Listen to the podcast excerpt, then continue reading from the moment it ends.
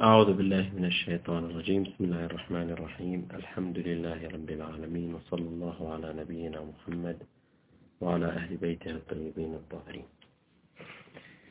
في الدرس الثالث بعد أن تقدم الحديث حول مجموعة من المقدمات التمهيدية المرتبطة بسورة الحجرات نبدأ بحول الله تعالى في التأمل في آيات السورة المباركة. قلنا فيما سبق أن السورة المباركة أو قسمنا السورة المباركة إلى أربعة أقسام أو لنقول أربعة مقاطع.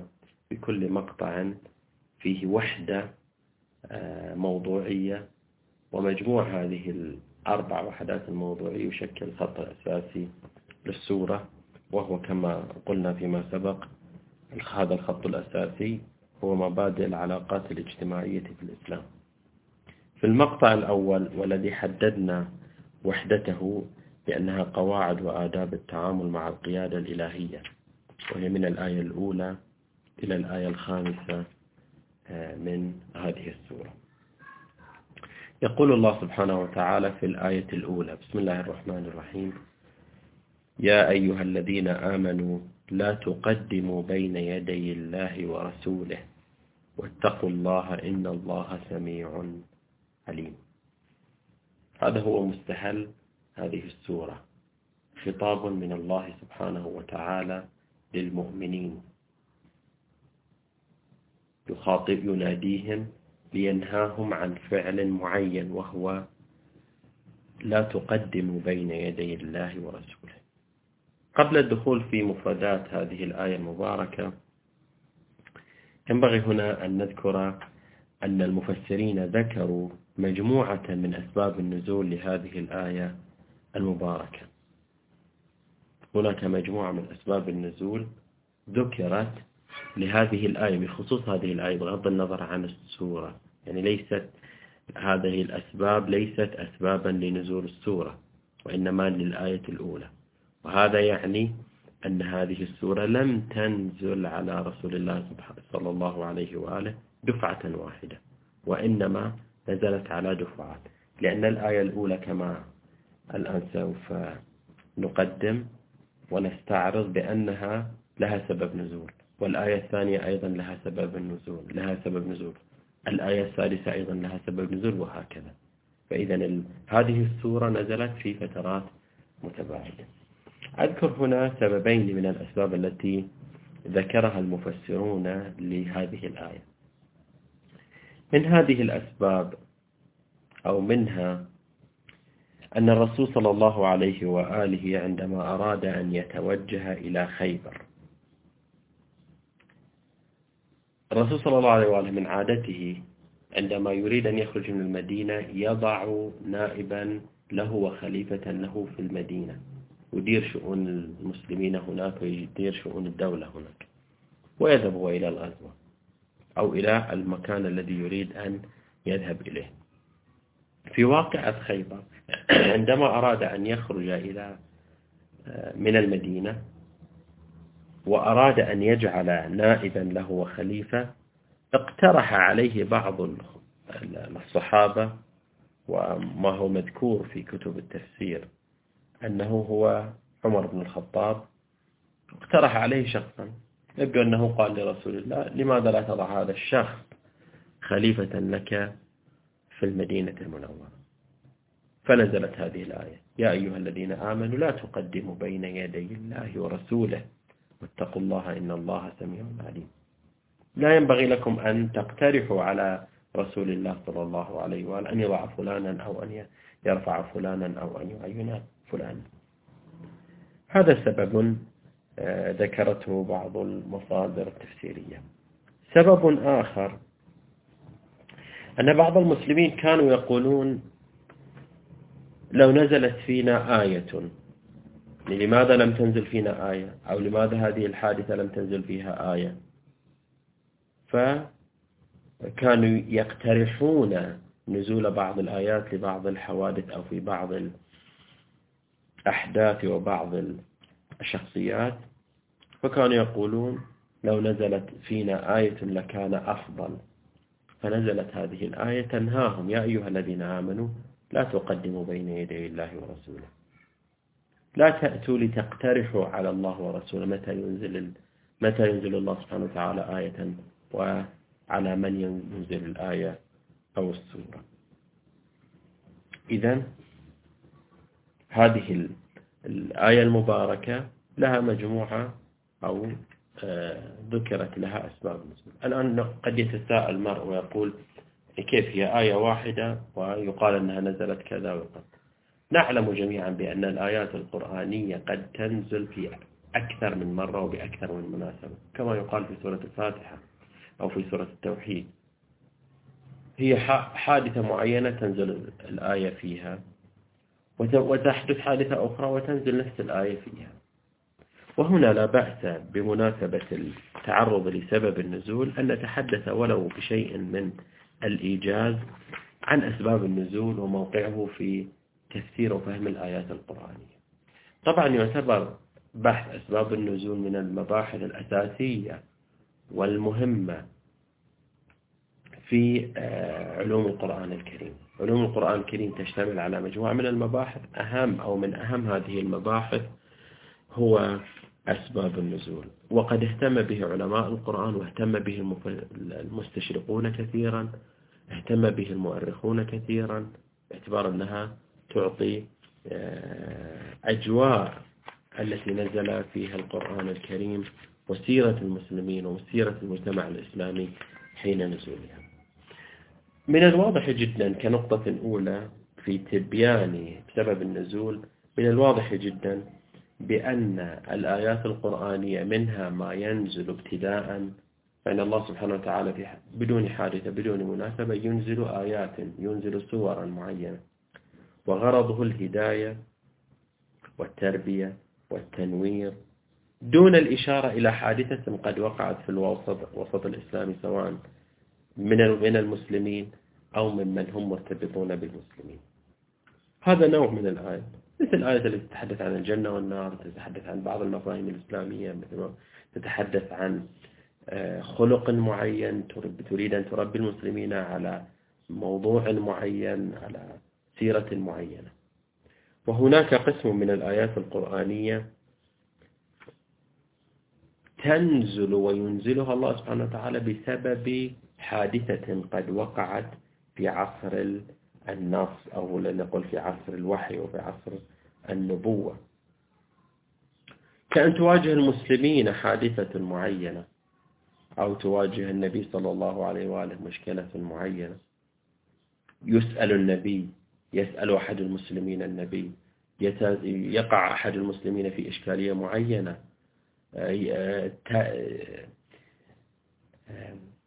تغزو المسلمين أو تنشأ في الوسط المسلمين ظاهرة أخلاقية معينة نجد أن الله سبحانه وتعالى ينزل آيات أو سور أو سورة من أجل معالجة هذه الإشكالية أو من أجل التعليق على هذه الحادثة المعينة. وهو شأن تربوي وطريقة تربوية. المربي ليس بالضرورة دائما يعطي القواعد التربوية. في بعض الأحيان يلاحظ سلوك من يربيهم فإذا وجد أن أحدهم عمل عملا إيجابيا أو عمل عملا سلبيا يعلق على هذه الحادثة وهذه الواقعة التي وقعت لهذا الشخص. كذلك الله سبحانه وتعالى استعمل هذه الطريقة العقلائية مع المسلمين في تربيتهم.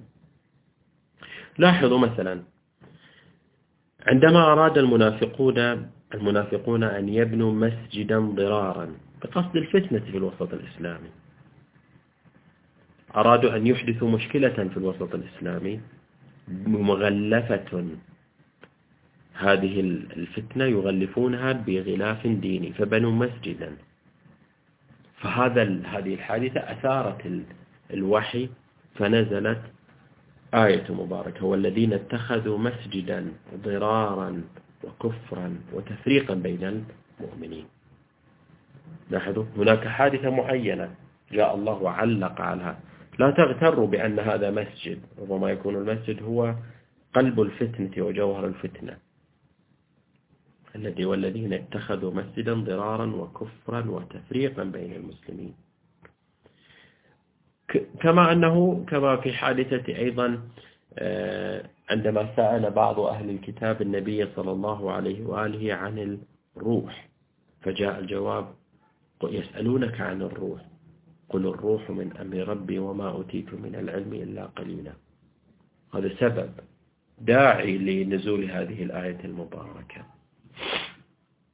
وغيرها من هذه إذا سبب النزول هو أن تكون هناك حادثة معينة في الوسط الإسلامي لشخصية النبي صلى الله عليه وآله فيأتي القرآن معلقا أو يحل هذه الإشكالية التي واجهت المجتمع الإسلامي أو يحاول أن يضع المسلمين على جادة الطريق لو وقعوا في مسألة انحراف عن ذلك. وبهذا المعنى سوف نستخرج سوف نخرج سوف نخرج الآيات التي تتحدث عن الأمم السابقة. لا نقول بأن الآيات التي تتحدث عن قصة مثلا بني إسرائيل أو نبي الله موسى أو نبي الله سليمان هي سبب أسباب نزول. لا أسباب النزول أن تقع الحادثة ثم يبدأ يعلق عليها. إذا أحداث الأمم السابقة والماضية التي تعرض لها القرآن الكريم ليست من أسباب النزول لأنها قضايا تاريخية سابقة. جاء جاء القرآن الكريم وأراد الله سبحانه وتعالى أن يسلط ضوء على عظة وعبرة ترتبط بالمسلمين في هذا المجال. هذه نقطة الأولى النقطة الثانية هل هناك فائدة من معرفة سبب النزول؟ وهم إذا كانت هناك حادثة في الوسط الإسلامي وعلق عليها الله سبحانه وتعالى أنزل الله سبحانه وتعالى فيها قرآنا. هل لهذا فائدة؟ غير معرفة أن هذه الآية قد جاءت من أجل هذه الحادثة أو أن هذه الحادثة علاجها هذه الآية وعالجت هذه الآية. في الواقع هنا اختلف المفسرون في قيمة إن صح التعبير أسباب النزول. بعضهم أصلا لم يعر أسباب النزول أي أهمية. قال أصلا أسباب النزول حوادث آه، لا نقطع بأنها هي التي تحفز المشرع الإسلامي والله سبحانه وتعالى أن ينزل قرآنا. وإنما هي حادثة وقعت. يعني لا يوجد هذا المفسر يقول كما سنقرأ نصا للسيد الطباطبائي السيد الطباطبائي يقول يقول فوق لا يوجد لدينا جزم بأن الآية المباركة نزلت من أجل هذه الحادثة. نعم هذه الآية المباركة تحكي هذه الحادثة. ولكن أن هذه الآية جاءت من أجل علاج هذه الحادثة المعينة خصوصا لا يكون في الآية آه، شيء يرتبط بالحادثة المدعاة. وهناك من المفسرين مثل السيد الشهيد الصدر يقول لا. اللساء أسباب النزول لها قيمتها. تعطينا تعيشنا أجواء النص. لا نعرف أجواء النص إلا من خلال ما ينقل لنا من حوادث تاريخية مرتبطة بهذه الآية. أما في غيرها لا يمكن أن نعيش هذه الأحداث. يأتي السيد الشهيد الصدر بمثال يقول قول الله سبحانه وتعالى في سورة البقرة إن الصفا والمروة من شعائر الله فمن حج البيت أو اعتمر فلا جناح عليه أن يطوف بهما. إذا أردنا أن نركز على ذيل الآية فلا جناح عليه أن يطوف بهما. لا جناح عليه يعني لا إثم عليه يعني إن أراد أن يطوف بالصفا والمروة هي من شعائر الله. إن أراد أن يطوف بهما يسعى بين الصفا والمروة فليفعل. وإن لم يشأ فلا. فلا جناح عليه أن يطوف بهما. لم تصرح بوجوب ذلك. فإذا نفي نفت الإثم والحرمة من الطواف بين آه، عن الطواف بين الصفا والمروة. فلا جناح عليه. يعني لا يوجد إثم بأن تطوف بين بين الصفا والمروة أو تسعى بين الصفا والمروة. يعني لماذا عبرت الآية فلا جناح عليه لماذا لم تقل يجب عليكم السعي بين الصفا والمروة؟ خصوصا وأننا نعلم بأن السعي بين الصفا والمروة من مثل في العمرة مثلا من الواجبات من أركان العمرة. مع ذلك عبرت الآية فلا جناح. يعني ليس عليكم إثم إن طفتم بين الصفا والمروة. شهيد الصدر يقول لا نستطيع أن نفهم هذه الآية فهما صحيحا آه، نعم. مستقيما إلا أن نرجع إلى أسباب النزول إذا عرفنا أن أسباب سبب نزولها أن كان بين الصفا والمروة أن المشركين كانوا يضعوا أن المشركين كانوا يضعون على جبل الصفا أصناما وعلى جبل مروة أصنام وعندما أراد النبي صلى الله عليه وآله أن يتعمر قبل أن يفتح مكة اشترط عليهم أن يزيلوا هذه الأصنام فهناك مجموعة من. نعم قبل ذلك اتفق معهم فقبلوا قبل المشركون ذلك. ولكن قالوا له في هذه الفترة ليس دائما فتم الاتفاق على ذلك. قام المسلمون بأعمال العمرة وطافوا بين الصفا والمروة لم يكن هناك أصنام لأنهم قد أنزلوا هذه الأصنام. ولكن هناك قسم من المسلمين تأخروا فأرادوا أن يطوفوا ويسعوا بين الصفا والمروة فوجدوا أن الأصنام قد أرجعت مكانها. فنزلت هذه الآية. بسم الله الرحمن الرحيم. إن الصفا والمروة من شعائر الله. فمن حج البيت أو اعتمر فلا جناح عليه أن يطوف بهما. يعني حتى وإن نصبوا هذه الأصنام مرة أخرى لا يوجد لا إثم عليكم لو سعيتم بين الصفا بين الصفا والمروة باعتبار أن الاتفاق قد مضى بين المسلمين. إذا هذه هذه الحادثة التاريخية التي اقترنت بهذه الآية المباركة وضحت لنا أجواء الآية المباركة. إذا نجد أن مثل شهيد الصدر يركز على هذا الموضوع. السيد الطباطبائي لا بأس أن نقرأ نصا له. السيد الطباطبائي لا يعير في الواقع الأسباب النزول اهتماما كثيرا وربما ما يساعده على ذلك أنه كثير من أسباب النزول ورواية أسباب النزول ضعيفة السند. كثير من على اهتمام المسلمين بها لكنها ضعيفة الأسانيد ما تكون مراسيل أو رواتها من الضعفاء. لاحظوا السيد الطبطبائي يقول في سورة آل عمران آه، عند تفسيره للآية 172 إلى 175 نعم بعدما ذكر مجموعة من أسباب النزول قال أقول وإنما أوردنا هذه الرواية مع مخ... نعم. مع مخالفته للاختصار والتلخيص المؤثر في المباحث الروائية بإراد إلى آخر كلامه. ثم يقول هنا الشاهد ليتبصر يعني ما أوردنا هذه الرواية ليتبصر الباحث المتأمل أن ما ذكروه من أسباب النزول كلها أو جلها نظرية. يعني أمور هم قربوها من جهة أذهانهم. بمعنى يعني من أنظارهم. نظرية نظرية يعني من أنظارهم. بمعنى أنهم يرون غالبا الحوادث التاريخية ثم يشفعونها يأتون بعدها بما يقبل الانطباق عليها من الآية الكريمة أو من الآيات الكريمة. فيعدونها أسباب النزول. يقول يقول هم يأتون بحادثة تاريخية ثم يأتون بآية يطبقون هذه الحادثة التاريخية على هذه الآية. فيقولون سبب النزول. يقول وربما أدى ذلك إلى تجزئة آية واحدة أو آيات ذات سياق واحد ثم نسبة كل جزء إلى تنزيل واحد مستقل.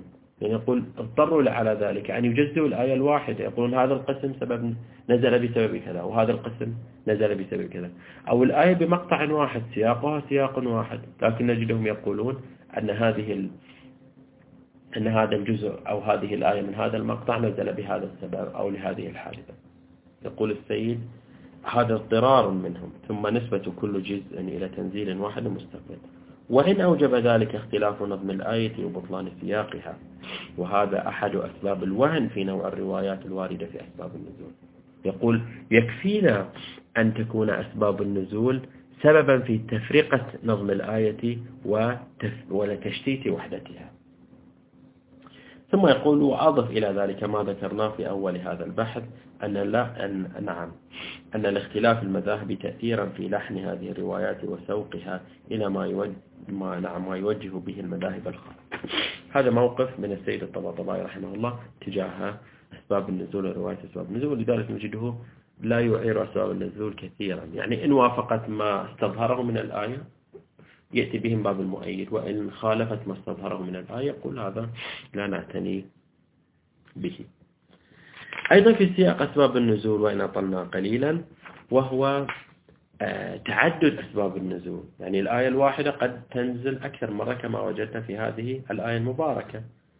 وجدنا أنها مرة وقعت في في واقعة خيبر ومرة نزلت في آه، هؤلاء المسلمين الذين يقترحون نزول بعض الآيات. بل قيل أنها نزلت في صلح الحديبية. بل قيل أنها نزلت في أناس آه، كانوا يتعجلون العبادة ويقدمون العبادة عن وقتها فنزلت هذه الآية. هذا لا بأس. بل ربما تنزل يكون هناك سبب واحد بحسب الشهيد الصدر يكون هناك سبب واحد وتنزل مجموعة من الآيات. يعني يأتي تحدث حادثة معينة في وسط الإسلامية أحد أحدهم يسأل سؤالا فتنزل مجموعة من الآيات تجيب على هذه الحادثة وتعلق على هذه الحادثة. يقول الشهيد الصدر وجدنا أن هذا آه، موجود في الوسط آه، في وسط البحث القرآني. ولذلك يقول إذا تعارضت رواية أسباب النزول لا نتعجل بأن نقول أنها متعارضة مثلا تتعارض فتتساقط أو نحاول نجمع بينها جمعا عرفيا. نقول لا ربما هذه الآية نزلت في أكثر من حادثة وربما مجموعة من من الآيات نزلت لحادثة لحادثة واحدة. النقطة الأخيرة في بحث أسباب النزول هو إذا كانت الآية قد نزلت لهذه الحادثة كيف يمكن الاستفادة من القرآن الكريم؟ يعني هذه الآية يا أيها الذين آمنوا لا تقدموا بين يدي الله ورسوله. واتقوا الله إن الله سميع عليم. نزلت بعمر عندما آه، اقترح على النبي صلى الله عليه وآله أن يعين فلانا الخليفة مثلا. هنا تفقد الآية قيمتها. هي نزلت فيها ارتبطت بهذه الحادثة صارت حبيسة هذه الحادثة. كيف يمكن الاستفادة من هذه الآية المباركة؟ وكثيرة هي الآيات التي نزلت لحوادث معينة. هل تفقد قيمتها, قيمتها؟ هل تفقد قيمتها أو لا تفقد قيمتها؟ هنا يمكن أن يقال أن العبرة بعموم لفظ الآية لا بخصوص نزولها. يعني صحيح أن الآية نزلت بخصوص حادثة معينة ولكن لحن الآية سياق الآية ظهور الآية ظهور عام لم يحدد بحادثة معينة. تعلمون بأن هناك من الآيات القرآنية نزلت في أشخاص معينين. في حادثة معينة لا يمكن تعميمها. مثل آية النجوى. عندما نزلت الآية المباركة أنه إذا أردتم أن تناجوا الرسول أو تتحدثوا مع الرسول فقدموا صدقة. هذه هذه الآية لا يمكن الاستفادة منها لا يمكن الاستفادة منها اليوم باعتبار أنها نزلت في حادثة معينة وبناء على النسخ يعني أنها منسوخة. فهل كل آية نزلت بسبب معين تفقد قيمتها أو لا؟ لا تفقد قيمتها تبقى قيمتها حاضرة وباقية. قلنا أن العموم بلفظ الآية لا بخصوص السبب. يعني هذه الآية آية عامة. يا أيها الذين آمنوا لا تقدموا بين يدي الله ورسوله. لا يوجد فيها تخصيص لهذه الحادثة أو لتلك الحادثة. وإن كانت الحادثة معينة ولذلك آه، السبب النزول نستفيد منه معرفيا في الكشف والإضاءة على بعض معاني الآية وشأن آه، الآية وظروف الآية. ولكن هذا لا يخصص الآية ويقيدها بتلك الحادثة. فنحن مطالبون باستظهار الآية والنظر في ألفاظ الآية هل هي عامة أو خاصة مطلقة أو مقيدة؟ وإلا لكان القرآن الكريم في الآيات التي نزلت بأسباب معينة تكون هذه الآيات آه، كلها آه، غير ليس لها فائدة عملية في الواقع من يعني لا يمكن استلهام الدروس والعبر منها. هذا فيما ارتبط بأسباب النزول. كإطلالة وإضاءة عامة على موضوعه وارتباطه بتفسير القرآن الكريم. إذا بسم الله الرحمن الرحيم. يا أيها الذين آمنوا لا تقدموا بين يدي الله ورسوله واتقوا الله إن الله سميع عليم. إن الله سميع عليم. نكتفي بهذا المقدار وإن شاء الله في الجلسة القادمة نبدأ آه، بهذا النداء الإيماني. يا أيها الذين آمنوا لماذا خصص النداء بالمؤمنين ولم يعممه للمسلمين أو لعامة الناس. لماذا لم يقل يا أيها الذين يا أيها المسلمون؟ أو لماذا لم يقل يا أيها الناس؟ أو لا. خصوصا أن هذه الآية أو أن هذا النداء تكرر في هذه السورة المباركة خمس مرات. ما هي خصوصية هذا النداء وماذا يمكن أن تستفيد منه؟ إن شاء الله في الجلسة القادمة أقول قولي هذا وأستغفر الله لي ولكم والحمد لله رب العالمين.